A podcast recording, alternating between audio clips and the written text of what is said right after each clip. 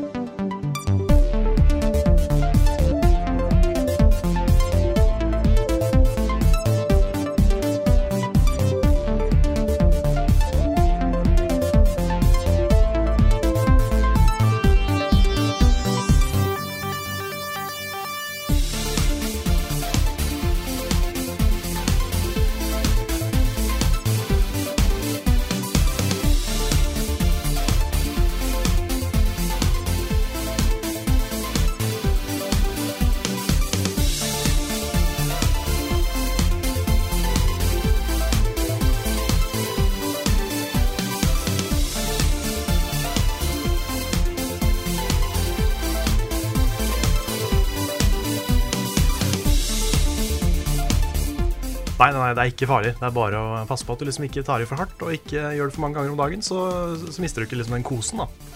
Så hei, alle sammen, og velkommen til eh, Level Up Cast med Rune og Carl. Vi sitter her og snakker om raiding i Destiny. Ja, det er det vi snakker om? Ja. Oh, ja, ok. Det er så mye annet det kunne vært. Ja, nei, men det var det vi snakka om. Ja, ok, greit. Men uh, det er en ny podkast i dag. Ja. Vi, er, eh, vi sitter på kontoret vårt igjen. Mm. Vi har ikke tilgang til eh, det fancy podcast-studioet vårt, men det blir, eh, det blir en podkast allikevel. Ja da, det, det blir ikke så mye dårligere. Sånn Neida. eh, teknisk. Bare litt. Bare litt. Bare litt. Ja. det, Til gjengjeld så har vi det uh, litt koseligere. det er sant. Mm. Det er litt mer sånn hjemmekoselig her på kontoret, selv om det er, uh, har vært ryddigere. Det har vært ryddere, men det har vært mer rotete også. Det har det definitivt. Mm. Så det er en fin mellomting. Ja, ikke sant? Mm. Nei, vi skal ha, lage en vanlig podkast nå også. Det skal vi. Um, du og Lars var på en morsom tur på tirsdag. Ja, vi var på eh, Vi satte oss inn i en Uncharted-buss eh, fra Thon hotell. Ja, kan, kan jeg ta én ting først? Ja. Fordi eh, vi har jo eh, Vi får hele tiden spørsmål om å være med på press, presseevents. Mm. Vi har gradvis, kanskje, og tatt en beslutning om at det skal litt til for at vi gjør det. Ja, det er liksom ikke den første tingen vi Nei, og det er dels fordi effekten av det er litt begrensa. Dels fordi eh, vi har litt dårlige erfaringer med noen av de presseeventene hvor vi har fått veldig dårlig tilgang på folk å snakke med. Og så ja, blir det plutselig mye, mye community managers og sanne ting. folk som, ikke liksom, som har et manus, og de får ikke lov å si Ja, det- mer. eller de kommer fra utgiveren og ikke fra utvikleren. Og det er Ja, masse sånn. Mm. Eh, og så koster det mye penger. Og det er penger vi har lyst til å bruke på andre ting. Eh, så nå sier vi nei til så å si alt som foregår i utlandet, men dette var litt nærmere. Ja, fordi, eh, både fordi det var i Askim, som ikke er så langt å, å reise, og ikke så dyrt. eh, Og fordi vi fikk muligheten til å intervjue Nolan North, Ja, som er eh, basically stemmen til alle i spill. Mm. Kanskje ikke alle, men godt over 200 spillfigurer, tror jeg. ja jeg tror det stemmer mellom 200 og 300 spillroller han har på IMDb. Ja. Så det er jo relativt imponerende. Så det var litt også derfor vi dro. Og det var jo først og fremst en sånn Uncharted Nathan Drake Collection-tur. Eh, hvor vi eh, dro ned i noen gruver i Askim Mm. og skulle spille litt Uncharted og intervjue han. da Og litt folk som jobba med spillet og sånne ting. Ja. Men det mest spennende var å intervjue han. Ja, det var jo store trekkplasteret på den turen. Ja. Han er jo stemmen til alt. Han er jo det. Han har vært alt fra liksom Nathan Drake til uh, The Penguin til liksom han derre Space uh, Corn i Portal 2. Mm. Og Joel i The Last of Us. Nei. Da var det ikke det han? Nei, han var ikke Joel. Han var en annen i The Last of Us. Ja, det stemmer. Han var en annen i Last of Us. Selvfølgelig var han. Joel er vel Troy Baker? er Ja, selvfølgelig. Ja. Ja, jeg bare... Det har vært veldig morsomt å intervjue han om bare Troy Baker-roller. ja, det hadde vært kjempegøy. Det blander de ofte. Men Ja, ikke sant? eh, Så er det jo nye Ghosten i Destiny. ikke minst. Mm. Jeg spurte noe om det. De gjorde det? Ja da. Ja, kult. Det er, eh, han var litt sånn her uh, Litt forsiktig med å svare på det. Men han, uh, han sa at liksom han var Peter Dinklage-fan, og det var, tror det var greit. da Ja, ok. Så det kommer mer om det i neste episode. Ja, det blir morsomt. Men uh, det skjedde jo litt sånne morsomme ting på den turen. Fordi uh, når vi var nede i den gruva, og det var jo liksom dypt inne i de gruvene Vi satt og spilte, de hadde kobla til en PlayStation, jeg vet ikke hvor de fikk strømmen fra. eller noe sånt Men eh, jeg sitter og prater med bl.a. Lars og Ida fra Rad Crew. Og så kommer det en fyr bak oss. En litt sånn gammel, litt sånn sliten mann. Ikke sliten, det er skjønt å si, men uh, litt sånn uh, godt voksen fyr med sånn, uh, sånn Crocodile Dundee, sånn eh, hatt. Og ser ut som en sånn skikkelig traveler. Fyr som har vært ute og gått i mange, mange år. Mm. Og han, eh, han spør hva vi syns, da. Og så sier vi at jo, nei, det var kult, og jeg tenkte han liksom var fra Sony. Men uh, han så ikke ut som han var fra Sony. Nei. Så um, etter hvert så kommer det fram at han har jobba i de gruvene her i elleve år. Og de har en fyr her som um, bodde i de gruvene. Som drakk seg i hjel for mange år siden. okay. Og han går igjen i de Ah, gruvene. Var det han? Det var det jeg trodde etter hvert. Fordi jeg tenkte liksom her står en fyr som ser litt sånn mystisk ut, og forteller oss om et spøkelse. Så eh, det jeg tenker etter hvert, er at han er spøkelse. Ja. Så jeg tror fortsatt det. Ok. Det er min prediction. Ja, jeg tror ikke det, men uh, Nei, jeg tror det. Jeg er overbevist. jeg er mye eldre enn deg, vet du, Karl, så uh, Ja. mer vis. Mer vis, ja. Mm. ja. Nei, altså Jeg har sett på Åndenes makt, så jeg vet at hvis man legger godvilja til, så finner man et årstall og mye greier. Men du, siden vi sitter her og har det så koselig i, i stolene våre på kontoret, og dette er veldig uformelt og uhøytidelig, og det er ikke så mange som hører på podkasten vår, kan du ikke Nei. dra den historien om den, det spørsmålet du stilte til Nolan North? Nolan Eh, North? Altså, det er, det er sånn nesten litt for vondt at jeg har lyst til å ta det Ja, men jeg syns, jeg syns Norge fortjener å høre det, Karl. Ja, altså um, Når man er litt nervøs, og når man, eh, når man skal intervjue folk som er litt spennende å intervjue, så hender det at uh, engelsken kanskje svikter litt. Og jeg skulle jo spørre hvordan han liksom approacha uh, voice acting i forhold til andre typer acting. Og istedenfor other kinds of acting, så uh, begynte jeg med You've also done some regular acting. Og det, det innså jeg da med en gang jeg sa det, at det var veldig uheldig ordlegging. Det var helt greit. Han tok det pent. Og liksom, eh, jeg, jeg beklaga det etterpå og sa liksom hva jeg egentlig mente. Så jeg tror det gikk fint. Men jeg har jo eh, Jeg har jo spilt av det spørsmålet i hodet mitt ganske mange ganger etterpå. Og det, de gjorde litt vondt. Jeg må innrømme at det gjorde litt vondt. kjempebra sånne situasjoner som det er. Altså. Ja, det er, eh, jeg vet ikke om jeg ville brukt ordet kjempebra, men Jo, det er fantastisk. Det, det, er, det, det er greit. De, de Ja, er, gjør ikke noe i det store bildet. jeg tror ikke de gjør det. Altså, han er jo en utrolig jovial, real fyr, Ja. og han tok det veldig bra. Mm. Og han var jo kjempemorsom og kjempeblid etterpå, så jeg tror, ikke han liksom, jeg tror ikke han ble sur. Nei, jeg tror heller ikke det. Jeg tror han skjønte at det ikke var sannment. Ja, jeg håper det. altså. Men så er det jo litt sånn at, øh, at øh, stemmeskuespillere De er jo ikke superstjerner i Hollywood samtidig. Nei. Også det hender jo at man henter en superstjerne fra Hollywood inn i spill. Mhm. Men de som er store stemmeskuespillere uh, i spill, det er jo sjelden du ser de liksom gå andre veien. Så det kan jo hende at, at det egentlig krever Ja. mer av noen å være på eh, øh, film da, som seg selv. Eller også fysisk øh, øh, utseende. Den personen, mimikk og alle disse tingene her, liksom. Ja, ja. Jeg vet ikke. Ja, men nå har jo Noral North begynt med litt irregular acting eh, også. Han hadde jo han drev og plugga en sånn serie eh, som jeg husker ikke helt i farta hva het. Men eh, det var, det var med han og det var noen andre kjente folk. Ok, Så um, Det med Nathan Fillion, blant annet. nettopp. Så det hørtes jo kult ut. Ja, det er morsomt. Så nei, det var, det, akkurat det var litt pinlig. Ja. Men man, det, ble, det ble koselig og gøy igjen etterpå, så Det der har skjedd med oss alle, Karl. ja, det har jeg håper det. Ja, er du gæren? Eh, jeg henger meg ikke så mye opp i det, men det er mange tilfeller hvor jeg har vært i, i intervju med folk. Og, eh, og så, eh, du, du har enda litt bedre engelsk enn meg, sånn uttalemessig. Du høres ut som du kan engelsk innmari godt. Jeg også gjør det hvis jeg ikke er veldig stressa og sånt. At det, det høres ut som jeg kan engelsk veldig godt. Og når man begynner å rote seg bort i liksom, formuleringer som er helt ko-ko på engelsk og sånt, så føler man seg så dum. Ja, det er noe med det. ja. Det er sånn her, Vi burde kunne bedre, på en måte. ja, og, Vi er bedre engelsk enn det vi gir inntrykk av. Ja, sånn du som kan snakke engelsk så godt, og så, og så, ikke, og så bruker du det ordet 'regular acting'. Ja, for det er, det er sånn der, Jeg har jo en venninne i England blant annet, som Ja. har vært og besøkt det sånn fem dager før. Og da, da prater vi engelsk hele tida, null problem. Eh, og da snakker jeg britisk engelsk, liksom. Ja. Uh, men så fort jeg møter en sånn amerikansk person jeg har sett på på et eller annet, så blir jeg sånn her, for sånn her rar norsk country-amerikansk-aktig det, det blir kjemperart. Jeg vet ikke hva som skjer når, når, det skjer. Nei. Men um, det er ikke bare bare. Det er ikke bare bare. Nei. Men det gikk nok bra. Jeg tror det gikk bra. Ja, det gikk helt sikkert bra. Jeg gleder meg til å se det innslaget også. Så, Ja, den delen er ikke med. Det er fordelen med å klippe ting, uh, klippe ting sjøl. At jeg Ja, kan ta bort ting som er litt kleint. ja, nei, det, sånn er det. Sånn er det. Mm. I, neste uke skal vi noe spennende. Da skal vi samle gjengen igjen. Ja, det er neste uke, da. Det er neste uke. Og så skal vi kjøre ned til Sandefjord. Til eh, streamingstasjonen til Komplett der nede. Møte Mikkel eh, og spille sammen. Så vi blir da seks stykken. Gamle raid-gjenger fra Destiny. Stemmer. Og skal ta det nye raidet i Destiny.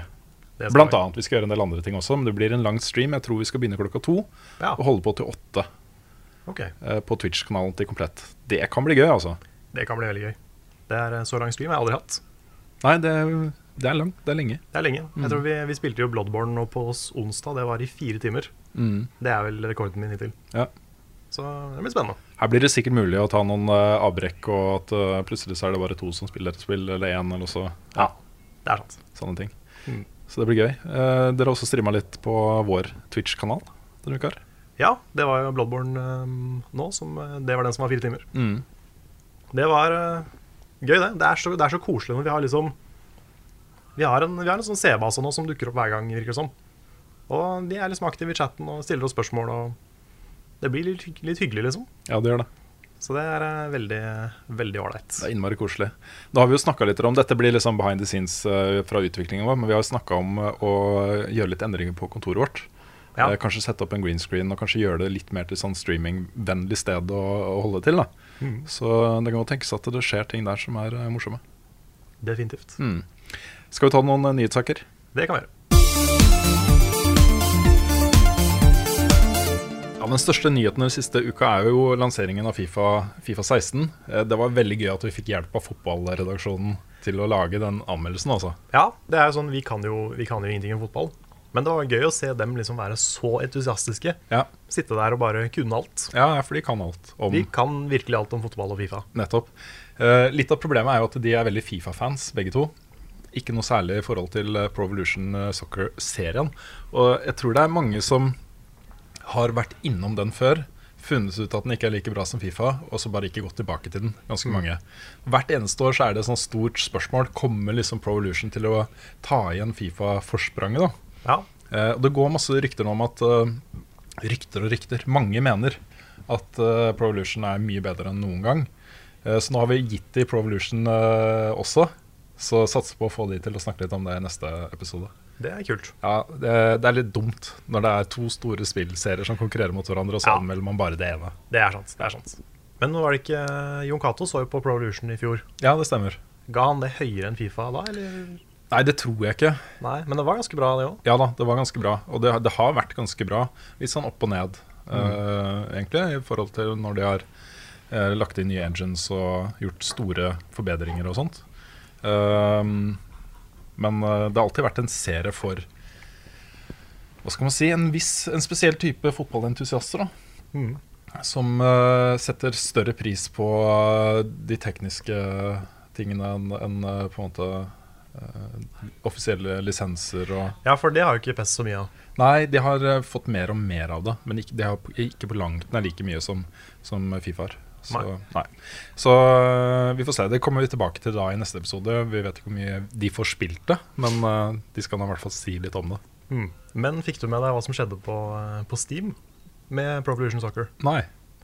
Det, er, eh, det var en litt sånn boble av eh, masse Konami-drama. Eh, Fordi de har eh, Det de har solgt på Steam, det er PlayStation 3 og Xbox 360-versjonen av spillet, for det første. Eh, I tillegg har de brukt footage fra PS4 og Xbox One-versjonen til å selge det på Steam. Ok. Um, og for å skjule alle de ekstremt negative reviewene, så har de laga en bundle, en PES-bundle, med bare PES i. For da kommer ikke anmeldelsen opp. Så dette her er liksom tre ting som aldri burde skjedd fra Konami på en gang. Åh, det går jo Det kommer rapporter nå om hva som skjer med Konami. Ja. Eh, og det skal visstnok nå være sånn at eh, Konami slutter utviklingen av alle eh, store blockbuster-prosjekter. Ja, jeg, jeg har hørt så mye fram og tilbake på akkurat det. Ja, med unntak av PS. Det er det siste jeg hørte. Ok, ok. Um, ja, jeg, jeg vet ikke. Det er, dette er liksom uh, ubekrefta ting Ja. fremdeles. Men uh, ja. Vi får se. Vi får se. Um, det har ikke skjedd så mye annet sånn kjempestort uh, siste uka, men det, det dukka opp en veldig morsom sak fra en polsk uh, TV-kanal som heter TVN. Ok, Hvor uh, stemmeskuespilleren til Anja Oliva i, i, uh, Castle, uh, i Wolfenstein, The New Order-spillet Ja, ja, det hørte jeg om. ja, Hun heter Alisha Bakleda Skurus. Ja. Noe sånt. Ja, det, er helt Det var sikkert, mulig. sikkert perfekt. eh, Sikkert perfekt, ja. uttalt. Uh, hvor hun da uttaler seg uh, at hun jobber med et, eh, et dataspill. uh, og at hun har allerede vært i den første delen av det data dataspillet. Eh, og nå lager de et nytt. eh, a second one. Ehm, og det vil ta to år. Ja.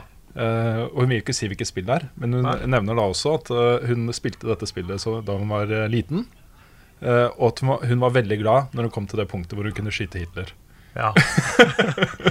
da er det bare å ta på det detektivhatten og lure på hvilket spill dette kunne vært. Ja, fordi det er jo faktisk da bare ett spill hun har vært stemmeskuespiller i, og det er, det er Wolfenstein The New Order. Ja, ikke sant? Så til og med uten det her Hitler-hintet, så klarer du å gjette hvilket spill det er snakk om. Ja. Jeg ble så glad, Ja. også fordi det er en sånn type spill som ehm, Det ble jo altså Jeg vet ikke salgstall på det, jeg tror det har solgt ganske godt. Men man vet jo aldri. Det tok store risker, det gjorde helt nye ting med den serien. Og var liksom veldig spesielt. da, et Veldig spesielt spill. Mm. Ikke gitt at det kommer en skikkelig oppfølger til det spillet. Nei. Men uh, 2017, Ja, men Wolfenstein, The Even Your Order. Ja, The New Order. Ja. Mm. Åh, det gleder jeg meg til, altså. Ja, det kan bli spennende. Mm. Også den rollen hun spilte i det spillet, Anja, var ufattelig bra. En av de beste spillerrollene eh, jeg har vært borti, egentlig. Veldig, veldig kul rolle. Ja, men det er kult. Har du spilt Wolfenstein? Jeg har spilt, eh, jeg har spilt litt av det, men Ja. jeg har ikke kommet meg gjennom det. Det er verdt å gjøre, altså. Ja, jeg har skjønt Veldig det. mye kul historiefortelling og veldig, veldig bra dialog og sånne ting. Ja. Nei, jeg har vært nysgjerrig på det lenge, så jeg får se om jeg rekker å ta en eh, runde gjennom. Ja. Eh, I forrige podkast snakka vi om, eh, om eh, disse ryktene rundt eh, The Last of Us 2, hvor, eh, hvor eh, det under et foredrag eh, som Naughty Dog holdt, hadde kommet fram at også han refererte til The, Last of Us som det første. Ja, det første The Last of Us. ja, ikke sant, Som det antyder at det eksisterer flere av dem. Mm. Nå har uh, Neil Druckmann, som var creative director for The Last of Us, uh, og for en hel haug av andre prosjekter hos Naughty Dog, Stemmer. uh, uttalt seg. Han sier at eh, eh, ja, det er riktig at uh, Naughty Dog jobba med en prototype for et nytt The Last of Us, uh, men det gjør det ikke lenger.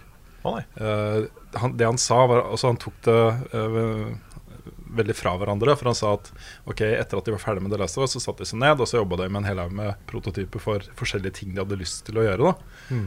Det var et science fiction-spill, og det var masse rart.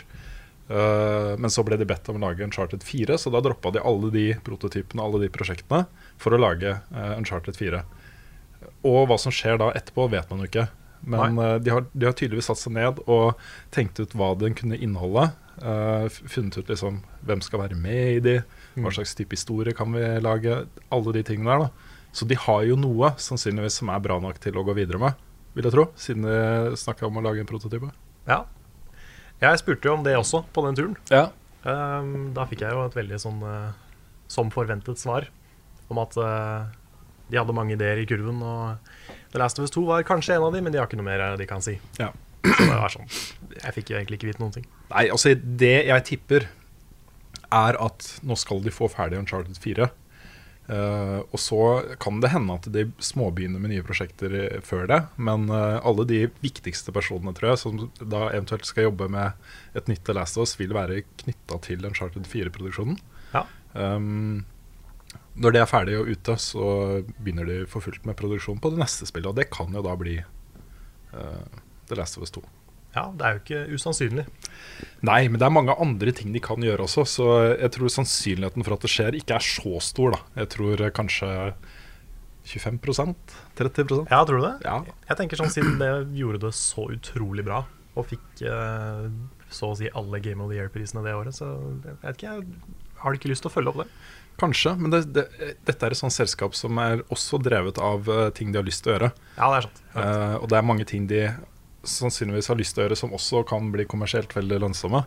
Så eh, ja Jeg vet ikke. Det er et veldig bra selskap. Flinke Mm. folk. eh, drevet med lidenskap. Ja, definitivt. Ikke så mye, også, De lager mye oppfølgere, men de lager også mange nye, helt nye serier. Mm. Så vi får se. Vi får se. Kanskje Crash kommer tilbake?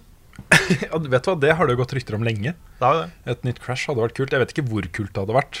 Nei, jeg vet ikke hvordan de skulle liksom modernisert den, eh, den oppskriften. Nei, jeg tror heller eh, Jeg har mer tro på at de eventuelt da gjenbesøker Jack-serien. Før, de- Ja, det er nok eh, før de gjør det. mer sannsynlig, kanskje. Ja, jeg tror kanskje det. Selv om der likte jeg jo helt opplagt det første spillet best. Ja, Jack okay. 1 er mye bedre enn de andre spillene, syns jeg. da Hmm. ja. Siste nye sak vi tar før vi går over til spørsmål og svar, er at Hitman, som da bare heter Hitman, rebooten av den serien, er utsatt til mars 2016. Riktig. Ja. Men det var um, Ja, det kommer jo mye fortsatt i år. Ja, massevis. Så det er kanskje nesten like greit at de tar seg litt ekstra god tid med det spillet. Ja, det skulle jo komme i desember også, liksom, så Ja. det er helt greit. Mm. helt i orden. Da blir det ikke noe julehit, men det, det får gå. Da får det bli jule, juletrackmania isteden, for det kommer også i desember. Ja, det er sant. Det er sant. Yes, yes, da går vi videre. Da har vi fått i oss litt cola og sjokolade og er klare for å svare på litt spørsmål fra seerne. Det er vi. Uh, vi har fått et spørsmål fra uh, Kåre Edvard Mart Martinsen. Det er litt sånn vanskelig å snakke når man har masse melkerull i munnen. Ja, altså. det er sant. Det. Det er, Den legger seg sånn godt rundt. ja, Colaen også gjør det. Ja, nei, den går hjem. En belegg av sukker og snerk. Greit. Um, eh, Kåre Edvard Martinsen har stilt oss et litt langt spørsmål. Ok? Eh, Dette med law, eller kunnskap, skråstrek historie, skråstrek innholdomfang på bedre norsk, er jo en spennende ting i mange spill. Ofte har jeg befattet meg med spill som er innholdsrike og omfattende i game law, men har ikke orket å bli bedre kjent med spillet fordi jeg vil fortsette i selve gameplayet. Eh, The Witcher 3 er jo et godt eksempel på et innholdsrikt spill. Har dere spilt noen spill dere egentlig ville fordype dere mer i, eller skulle ønske var dypere i sin forklaring av verdenen og dens innhold? Ja, vi har jo to åpenbare spill vi snakker mye om. Ja. Um, Destiny og Bloodborne. Yep. Og uh, Bloodborne for meg er et sånt spill. Jeg ser jo på sånne law-videoer på YouTube. Fordi jeg ikke orker å lese alle de her item descriptions og sånn sjøl. Mm. Så uh, finner jeg en eller annen fyr som uh, presenterer det på en kul måte. Mm. Sånn at jeg slipper å sette meg inn i det sjøl. Men det er jo spennende. Ja. Det er mye spennende der. Og jeg har jo hørt at til og med Destiny-lauren er ganske bra. Den er fantastisk. Sånn bakgrunnshistorien her. Mm. uh, den ble jo skrevet av uh, i hovedsak da, en manus, altså en eh, skribent, forfatter, Ja. som ikke jobber i Destiny, i, med, med Destiny lenger. Han slutta i Bungie. Okay. Der er det nedlagt utrolig mye arbeid, men alt var gjemt. Ja, for da må du gå inn på bungee.net? For å få, Du må det. Mm. Det låses opp sånne, sånne Grimoire-kort s- Stemmer. med eh, forbundet til forskjellige aktiviteter og våpen og gjenstander og sånne ting. Mm. Eh, og på den så står det da law eh, for det stedet du har vært på, eller den gjenstanden du har plukka opp, eller det våpenet du har fått, eller Ja. og Det er så mange kule små historier der som kunne vært liksom konsepter for et helt spill i seg selv. da Mm. Eh, men det er jo ingen. Og de, ja, noen. Det er noen som har lest alt. Det fins jo lange sånne law-diskusjoner på nettet, og sånne ting men det er jo ingen som bryr seg. Nei. Uh, ingen som orker å sette seg inn i det på den måten. Men det er også litt fordi kanskje historien i selve spillet er så laber at man liksom ikke ser for seg at resten er så bra. Ja, dette her er en, Jeg syns dette er litt interessant, skjønner du, fordi det er en kombinasjon av to ting. Det er det, men det er også det at jeg tror uh, Bungie har en designfilosofi som går litt på det at uh, de skal ikke være for eh, bablete i trynet på spillerne. Nei. Eh, de må ikke gjøre for mye som kommer i veien for gameplay-gleden, liksom. Eh, de må gjøre akkurat nok til at folk blir nysgjerrige og føler at de er liksom en del av noe større, eh, men ikke mer. At det må ikke bli for mye. Eh, så gjorde de jo altfor lite i originale Destiny. Nå er det passe, syns jeg. Ja, jeg syns det er litt morsomt. Jeg driver og spilte gjennom mange av de, de missionsa. De bonusmissionsa som er etter liksom hovedgreiene. Og eh, det er jo fortsatt litt av den der eh, dårlige manusgreia der fortsatt. Ja Sånn som eh, Jeg tror det var Mars Mission eller noe sånt, så kommer det opp sånn herre It was an echo of Oryx. That explains everything. Jeg bare Nei? Hva er det? Ja. Hvorfor er han sånn? Jeg skjønner jo ingenting. Nei. Nei da, det er, men det er litt sånn. Uh, jeg, jeg er uh, i akkurat sånn type spill som dette er, ikke fullt så opptatt av law som jeg er i en del andre spill. Nei.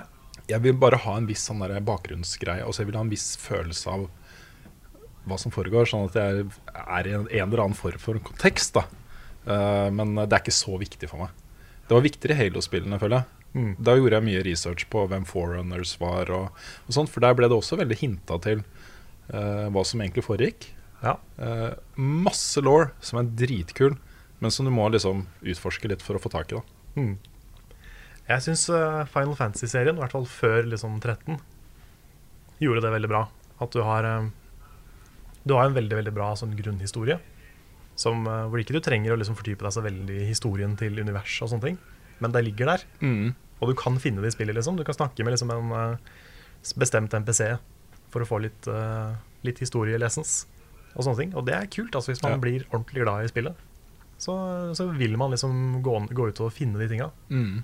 Og det, det er en bra måte å gjøre det på. Hvis historien er bra, og så i tillegg så er det en kul sånn bakgrunn som ligger der, Mm. som ikke er rett, rett i trynet på deg, liksom.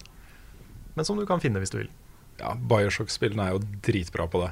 De er veldig bra på det. Ja, For der er du, du er midt i en utrolig kul historie med masse dialog og alle de tingene. Mm. Uh, men så kan du finne liksom disse kassettbåndene rundt omkring som bare gir deg masse masse law hele veien. Bakgrunnshistorie med eh, NPC-er og rollefigurer som er i dette universet, og alt mulig rart. da Mm. Eh, Ting som bygger ut eh, eventene som har skjedd før du har vært der. Alle disse tingene. Bioshock, alle Bioshock-spillene er sånn. Ja. Jeg syns jo også Assassin's Creed var utrolig gode på det fram til treeren. Da gikk jo alt i dass. Ja. Men eh, altså, nå vet jeg, jeg har ikke spilt eh, det der eh, som kom på eh, På gamle generasjon, hva heter det igjen? Eh, Rogue? Eh, ja, det Ja, var det. Det jeg har hørt at har en del kul eh, law i seg. Mm. Eh, men Unity hadde jo så å si ingenting. Nei. Så det kan hende Rogue har gjort det liksom litt mer spennende igjen, Mm. men det vet jeg ikke.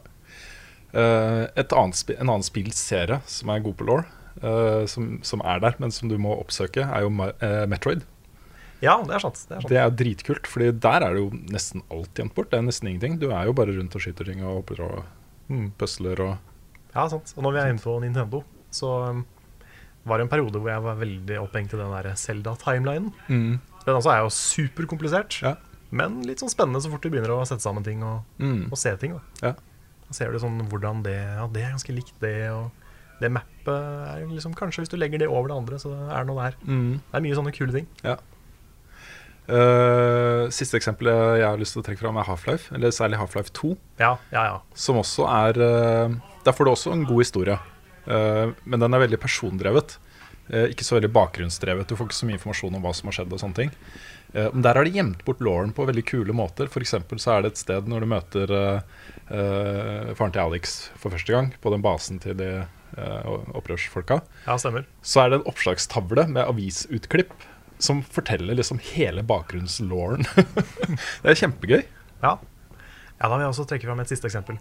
Du også, ja, du Ja, skal få et siste aller siste. eksempel. Ja, det er greit. Life is Strange. Ja, nettopp. Det er jo kanskje feil å si law, siden det er såpass virkelighetsnært. Ja. Men eh, det er så mye informasjon gjemt rundt omkring. Mm. I liksom sånn eh, inn, eh, hva heter det, sånn krøpla sammen papir i søppelkassa, mm. som du kan lese. Og eh, ting som står på tavler. Ting som er gjemt på, som sånn eh, tagging på vegger. Det er så mye greier, da. Og du kan finne så mye symbolikk og så mye sånn foreshadowing og sånn uh, i det. Og det er dritkult. Veldig Mhm. veldig kult å utforske de spillene ordentlig. Ja. Og så er det jo eh, et spill som bare er skjult law. Det er det som er gameplayet. Okay. Uh, Gone Home. Ja, of course. Ja, det ble jo utvikla av teamet som lagde Bioshock 2. Eh, helt sikkert, jeg er helt sikker på at den ideen ble født da de, da de lagde all den bakgrunns, uh, skjulte bakgrunnslauren i Barsak 2. Mm. Så hva om vi bare lager et spill som handler om det? Det er det Som du skal gjøre. Som er det. Ja. Interessant. Det er det. Um, Ole Jørgen Øverby eh, skriver For en stund siden var Rune gjest på Radcrew og nevnte der at dere vurderte å lage et innslag om podkastmiljøet i Norge. Er dette noe som kommer, eller ble ideen skrinlagt? Det er mange gode norske spillpodkaster der ute som hadde fortjent sine five minutes of fame på level up. Ja, det er jo en god idé. Det er en god idé. Vi har vel bare ikke kommet så langt. Vi har veldig mange ideer til potensielle reportasjer. Ja, massevis. Men det er eh, eh, jeg, har, jeg har lyst til å lage en, eh, en litt sånn ukens tema på Radcrew. Ja. Eh, I hvert fall. Og i den sammenheng også kunne gå gjennom liksom, hva som finnes av gode norske Lolbua og Ja, alle de, de tingene der. For Radcrew er blitt Altså De omtal, omtaler seg selv som Radcore. Ja. og det er jo ikke uten grunn, men det er jo på en paraply er jo- av forskjellige podkaster. ja, det har jo fått ganske mange podcaster nå. Mm. Så, men det er eh, interessant. Jeg føler liksom at podkastgreiene er på vei opp. Eh, Ja. og jeg setter veldig pris på å høre på podkaster selv. Mm. Ja, for du har, nå har du jo også Retroteamen, Ja. podkasten. Og Saft og Svele med Bjørn og Svendsen. Mm. Så det, det kommer mye kult. Det gjør det. Begynner å bli, bruke stadig mer tid på å høre på podkaster. Ja, og vi har jo to podkaster selv. Denne og Radio Cosmodrome. Som Stemmer. er resten av podcasten. Så ja. Eh, ikke så veldig tidkrevende å lage som eh, TV-programmet vårt. Det, det er sant. Det er liksom man bare setter seg ned og babler i en eh, times tid, så har man en episode. Jepp. Stian eh, Joakim Olsen lurer på hvilket mobilspill vi har, mest, har vært mest hekta på. Jeg spilte mye Plants vs. Zombies. Mm. Um, Ridiculous Fishing spilte jeg mye. Det er kanskje de to. Jeg har også to der har konkurranse mellom Bejeweled og uh, Tiny Wings. Tiny Wings, det stemmer det. Du er skikkelig hardcore i Tiny Wings. Jeg var hardcore i Tiny Wings også. Ja, ja. Men det var et uh, Det var kanskje det spillet som virkelig fikk meg til å forstå uh, potensialet i mobilspill. Fordi det er mye kul gameplay her. De hadde gjort masse altså Det er bare touch-ting, liksom. Ja. Men de hadde lagt inn sånne delmål, da sånne achievements du måtte få for å komme deg videre opp i level og få høyere multiplier. Uh, som gjorde liksom den derre å trykke på ting mye morsommere. Mm. Og så hadde denne 'Komme lengst', selvfølgelig, som jo var uh, utrolig besettende, altså. Ja, sant. Jeg spilte jo faktisk uh, nå Det er en liten digresjon. Men jeg spilte et, noe så spennende som et nytt Flash-spill. OK!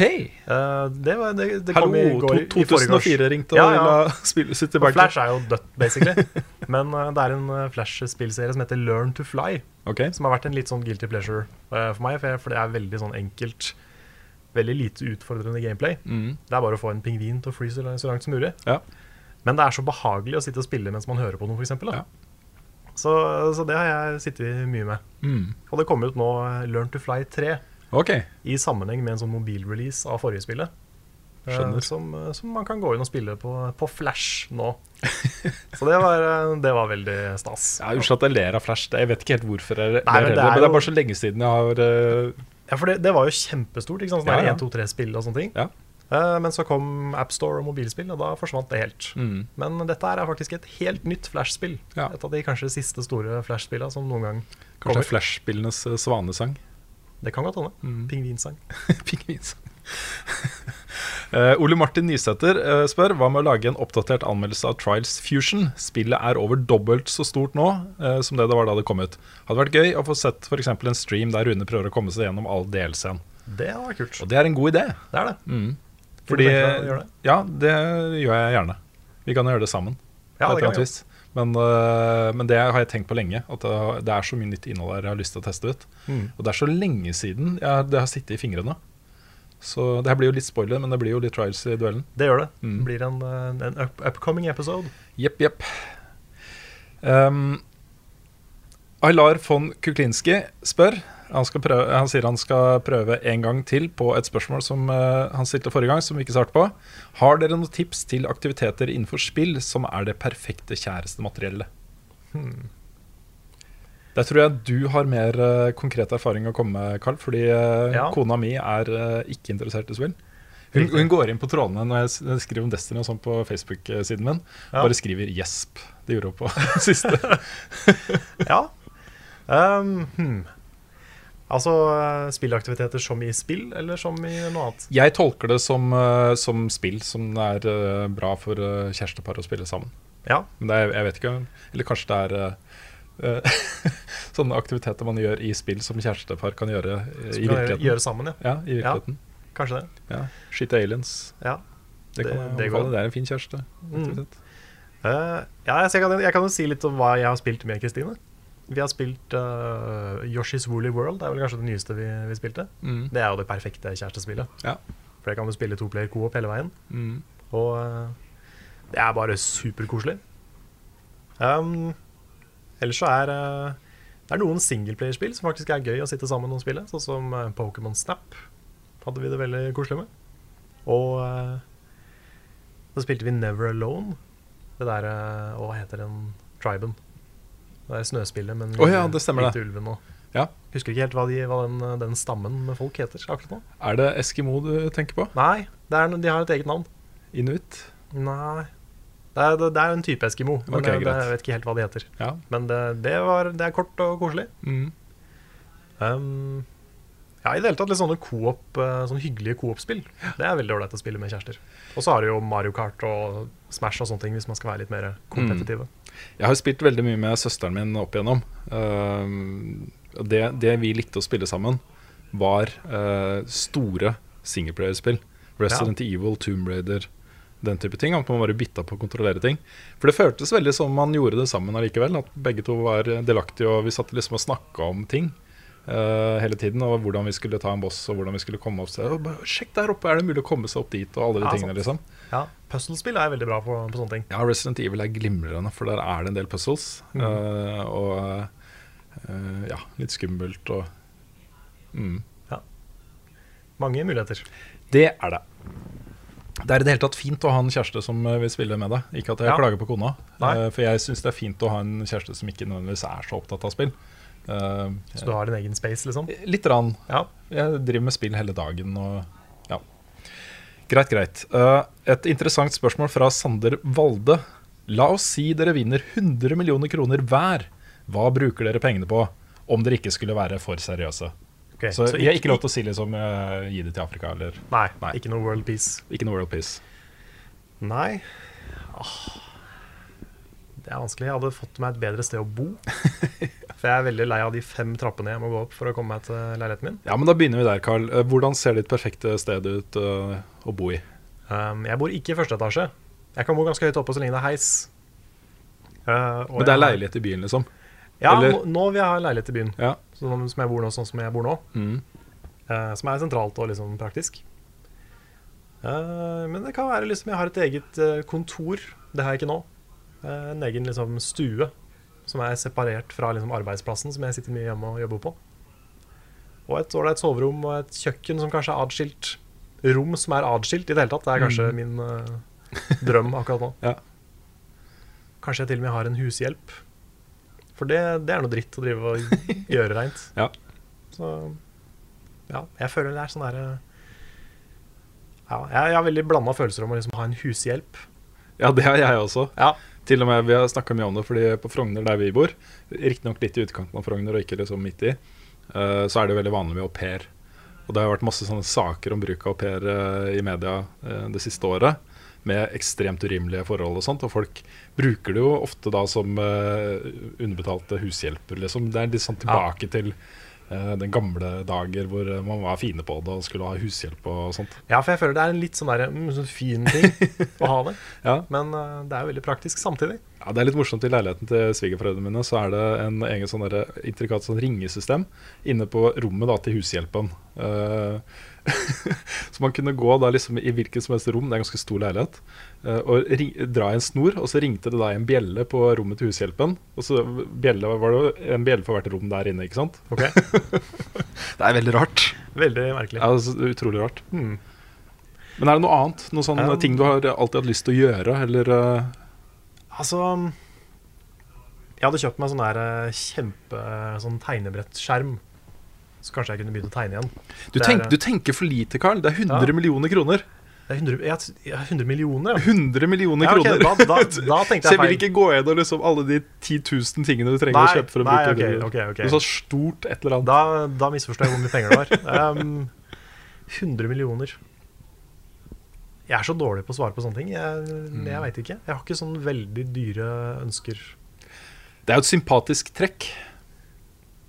Man skal liksom Litt ikke hige for mye. Ja, litt kjedelig, kanskje. Men um, I hvert fall når vi får det spørsmålet. ja, altså Hadde jeg hatt 100 millioner, så hadde jeg kjøpt noe bedre enn en leilighet i Oslo, kanskje.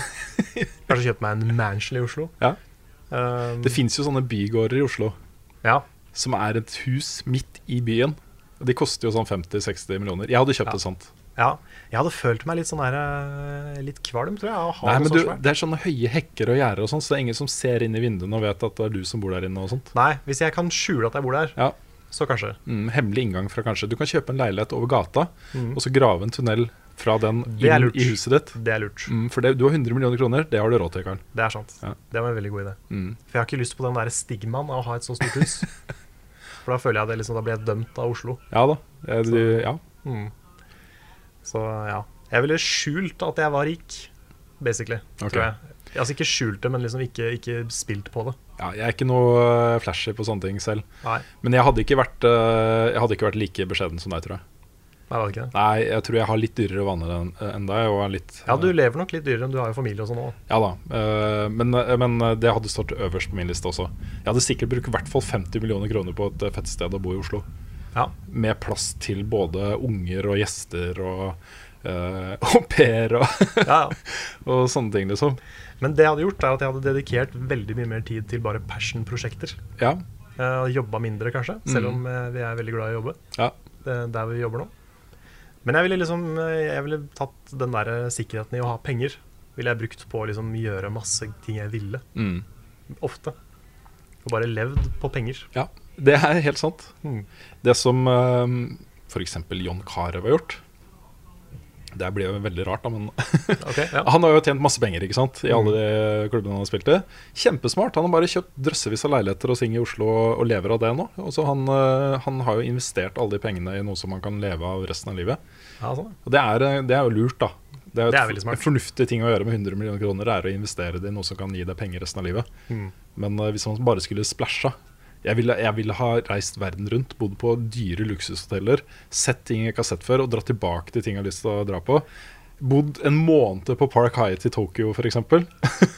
jeg hadde gjort Ja, sånne ting jeg hadde- hvis, jeg jeg, hvis jeg skal en- bare gjøre gøy ting. Ja, jeg hadde tatt en skikkelig sånn luksustur til E3. Ja. At vi tok liksom first class-fly. Det har jeg aldri gjort før. Jeg hadde flydd første klasse overalt. Ja, ja, men uh, jeg er ikke så glad i å reise, så jeg hadde dratt til E3, som er liksom det kuleste stedet jeg kan reise til. Eh, så hadde jeg tatt et hotell som er rett ved siden av messa, og dritbra. Ja, For den koster sånn 4000-5000 kroner natta. Ja, ikke sant? Så jeg hadde tatt liksom alt det dyreste Mm. for å få den mest behagelige, digge reisen ever. Og ja, jeg hadde gjort sånne ting. Ja. Jeg har eh, ja, Det er liksom 100 millioner- Det blir så abstrakt. Men én ting jeg må gjøre uh, før jeg dør, er å eh, spille main event på World, World Series of Poker. Og det å tatt en måneds pokerferie i eh, Las Vegas Ja. med nok penger til at du slipper å tenke på at du har brukerpenger, det Ja, hadde vært plutselig så har du ikke de millionene lenger. Ja, plutselig så har jeg ikke de millionene lenger. Nei. Det går en historie om en fyr som vant World, World Series, og jeg tror det var eh, Det var flere millioner Jeg tror er kanskje en million dollar eller noe sånt han vant. Det var jo lenge siden. Han, Notorisk gambler. Han tok hele premiepotten, gikk rett ut på, eh, på eh, rulett, satt alt på svart, tapte alt. Ja. det er sykt, ass. Ja, det er helt sjukt. Jeg kjenner at jeg blir litt sånn Jeg har jo noen sånne eh, drømmer som er litt mindre skala på. Men å ha et, et mye større sted, eh, en leilighet i Oslo Ikke for stor, for det blir vanskelig, men stor nok til å kunne ha liksom en egen mancave. Det er min, Mm. min lille drøm, da. Ja. Så hvis, eh, hvis noen vil, don vil vil donere 100 millioner kroner til oss, så kan vi sette opp en Patrion og ta imot eh, millioner av Ja, det, det går til en god sak. Ja. Til mansions og hushjelper og Det er ikke måte på. Ja, i det hele tatt. Um, Simen Meisdal eh, spør har dere, noen tip har dere noen tips til gamle PS3-spill man bør få med seg. Catherine. Ja, Catherine er eh, noe man definitivt bør eh, få med seg. Det er vel også på Xbox, men jeg vet ikke om det er PS3 exclusive. Sånn. Det vet jeg ikke. Nei, Demon Souls er en PS3 exclusive, som er bra. Ok Um, det kommer jo en del bra på PS3 etter hvert. Ja, det gjorde det. Jeg har litt problemer med å plukke det fram. Det er jo De aller beste tingene har jo også kommet på PS4. Ja, det er sant. Uh, The Last of Us Definitivt. og Journey. Har det kommet eh, på PS4, eller kommer det? Journey har vel kommet, tror jeg. Ja, det, ja, det, kom, det har kommet. Ja. Jeg har lasta den der. Jeg har det installert. Stemmer. Så, som er to av de absolutt største tingene der. Også God of War 3 har kommet på PS4. Ikke minst. Doom Raider har kommet på PS4. Ja. Jo- de beste har jo kommet på PS4. Det det. Ja, det har det. Men, uh, jeg jeg syns det var et problem med PS3. At uh, også de eksklusive tingene uh, kanskje eh, ikke var så store som de hadde vært på PS2. mm. Men uh, nå skal det jo sies at uh, kanskje det han mener er at han har bare en PS3 å spille på. ja, og da er det jo mye. Da er det masse. Da vil jeg i hvert fall si The Last of Us. Mm. Uh, Journey. Ja. Um, Uncharted-spillene, Uten tvil. som jo kommer på PS4 nå. Ja, de gjør jo det. Skaff en PS4 er kanskje kanskje, Kanskje moralen i Kanskje historien. moralen i historien. Ja, nei, men det er, eh, hvis, det er Hvis ikke det er snakk om bare eksklusive spill, så er det veldig mye. Ja. Det har kommet utrolig mye bra forrige generasjon. Mm, eh, Ja, i hvert fall mot slutten av forrige generasjon. Ja. Så det er mye å ta av. Veldig mye Assassin's Creed-serien og Jepp. veldig mye kult. Mye kult. Um, Dishonored. Thomas Andersen lurer på når neste Super Mario Maker-stream er. Ja, vi skulle jo egentlig ha i går, det, altså på torsdag. Men eh, da hadde jeg glemt at da hadde jeg bursdag. Så eh, da ble det ikke noe av. Men det blir forhåpentligvis en stream neste uke. Mm. Vi er ikke helt sikre ennå, kommer litt an på hvem som har tid og sånn. Men eh, det blir siste Bloodborne-stream den onsdagen, sannsynligvis. Og kanskje en Mario Maker på torsdag. Nettopp. Sånn morsom, eh, morsomt spill å streame, fordi eh, det er så gode muligheter til å involvere de som ser på. Ja, ja, det var den første Mario Maker-streamen. var superkoselig. Ja. Det var folk, folk var i chatten som hadde sendt oss baner og i det hele tatt. Mm. Det var god stemning og kjempebra. Moro, moro. Vi tar et siste spørsmål. Eh, det er fra, også fra Simen Meisdal, okay. han som spurte om PS3-spillene. Stemmer. Kan dere beskrive en vanlig arbeidsuke i redaksjonen, dag for dag? Ja, Det kan vi gjøre. det kan vi gjøre. Ja. Eh, mandag er jo studiodagen vår. Yes. Eh, For min del så begynner jo den i nitiden. Da setter jeg meg ned og, lager sendeplan. Eh, manus til nyhetsspalten. Eh, eventuelt laster ned litt video som Lars skal bruke seinere. Forbereder sendinga, rett og slett. Stemmer. Og sånn som det har vært de siste ukene, så kommer da Audun klokka 11 for å lage e-sportspalten. Så da gjør vi den her. Vi har jo ikke noe kamerateam her inne. Vi setter bare opp kamera, og så filmer vi. Trykker vi på rekord, og så setter vi oss i stolen. Det gjør vi. Eh, så lager vi den, og så kommer du. Mm. eh, rett fra senga. Rett fra senga. Det er, eh, det er behagelig, det. altså. Ja, deilig. Uh, klokka tolv, og så bruker vi en times tid på å spille inn episoden. Det gjør vi. Og så stikker vi Eller det vil si, jeg stikker hjem igjen, og så klipper sammen en innslag og sender ting til Lars. Mm. Som jeg jobber med i løpet av uka. Ja. Og så putter han det inn i episoden. For uh, som vi gjør det nå, så er det sånn at vi klipper våre egne innslag, men Lars klipper sammen episoden Mm. til slutt. Og da gjør han det på mandag. Og på uh, slutten av dagen så setter vi oss enten sammen eller på uh, Skype eller på Facebook eller whatever og ser gjennom det Lars har satt sammen. Og så er dagen over. Ja. Den siste biten er jo viktig, men vi, det er mindre og mindre ting vi oppdager som må fikses. Ja da, Lars er kjempeflink. alltid- Ja, han er utrolig flink. Det er alltid noe sånn småting, liksom. Men uh, i et såpass langt program, så I hvert fall sånn uh, i starten, når vi lagde Level Up, også før din tid, så kunne jeg bli litt sånn Jeg ble veldig stressa hvis det var feil i programmet. Ja, sånn. For jeg er litt perfeksjonist på det, men jeg har blitt mindre perfeksjonist på det etter hvert. Mm. For jeg tenker liksom ja, ja, er det så farlig? Det var en ting i siste episode også, hvor uh, den overgangen mellom to nyhetssaker ah, ja. som vi ikke skulle ha med, som kom med. Og så, så det er alltid noe, men det er ikke så farlig. Det gjør ikke noe. Nei, det er ikke så farlig. Så ja. Uh, tirsdag er uh, Det handler om å få publisert episoden for min del. Ja. Jeg må lage indekspunkter og legge inn bilder og lage frontvinklinger som uh, forslag til frontvinklinger. Det er jo ikke jeg som bestemmer hva som skal gå på front på VG. Mm. Legge ut på sosiale medier at episoden er ute. ja, rett og slett bare spamme episoden for Ja. folk. Så eh, det er tirsdag, og så begynner vi produksjon av neste ukes Mm. episode. Det er Hvis vi har hatt noen nye anmelderkoder eller det har kommet noen spill å se på, så begynner vi på det. Mm. Så da sitter vi egentlig resten av uka mye hver for oss da, og spiller ting, klipper ting, filmer eh, Ja. osv. mm. tirsdag er også den dagen hvor vi begynner å distribuere stoff. Også vi, sier, vi spør folk, eh, anmeldere, har du mulighet til å anmelde det og det spillet til neste uke. sånne ting. Ja, Legger ut ting på YouTube og, og sånne Ja. ting. Eh, onsdag spiller jeg inn Radio Cosmodrome. Ja, da har vi jo Det har blitt eh, litt sånn halvveis unofficially den nye streamedagen. Eh, så da er ofte vi streamer også på kvelden. Ja. Eh, Lars har jo litt sånn hovedansvar for det, så han er ofte med. Jeg er med når jeg kan, og så har vi med litt flere noen Mm. ganger. Sånn her og der. Sånn her og der. Torsdager pleier vi å spille inn uh, denne podkasten. Det gjorde vi ikke denne uken, det ble fredag isteden. Det ble fredag. Um, det er jo ikke så tidkrevende å spille inn. Nei. Uh, men det tar eh, Altså, vi bruker jo opp mot to timer noen ganger i studio. Uh, og så tar det ca. en time å klippe det og publisere det. Riktig. Så, så slutten av uka så i hvert fall jeg en del av din tid er jo, er jo det innbakt i det. Underveis så har vi noen sånne redaksjonsmøter, og litt sånn, enten over Facebook eller over Skype, eller at vi møtes på Egon og tar en egg og bacon, Mm. hvor vi planlegger ting litt mer konkret. da Ja. eh, Spikrer episoden. Mm. Så den neste ukes episode er jo vanligvis ikke helt spikra før vi snakker sånn torsdag, fredag formiddag. Nei, det, det er nok sant.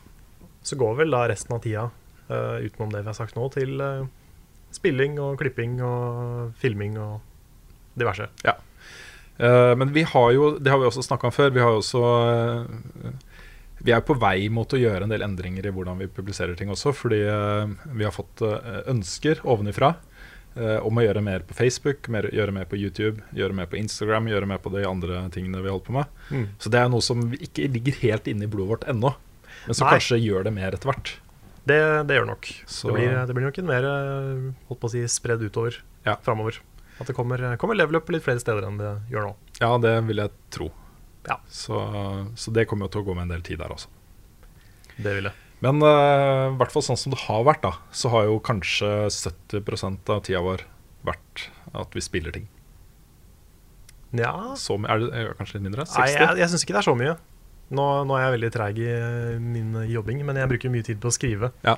Og mye tid på å liksom, filme, klippe. Ja da, også den prosessen der, eh, rett og slett med å lage, finne ut hva slags type video man skal lage, og lage manus til det, og filme det og klippe det. Og Ja. sånt er jo tidkrevende. Det er jo det. ja. Jeg føler jeg ofte bruker mer tid på det enn spillinga. Oh, ja. men det er, det er mulig det er jeg som er veldig treig.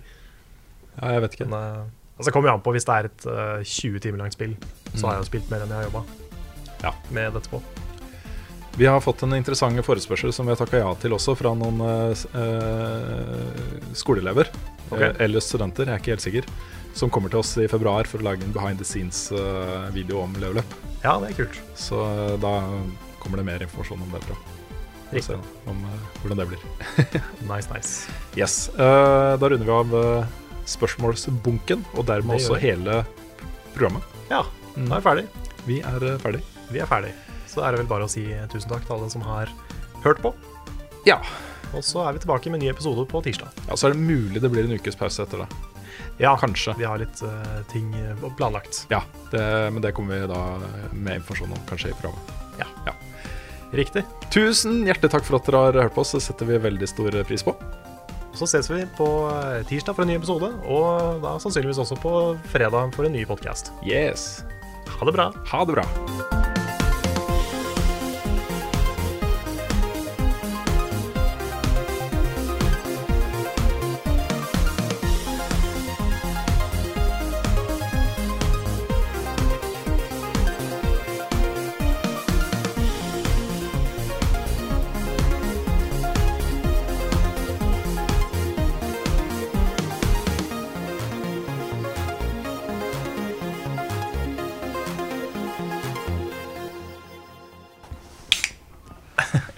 På å åpne den her når vi eh, spilte inn. Og eh, bare sånn ikke kommentere det, sånn at folk trodde jeg satt og drakk øl. ja, det er nice. Og så er det sjokolade! Ja da. Det er eh, veldig bra, Karl. I aim to please.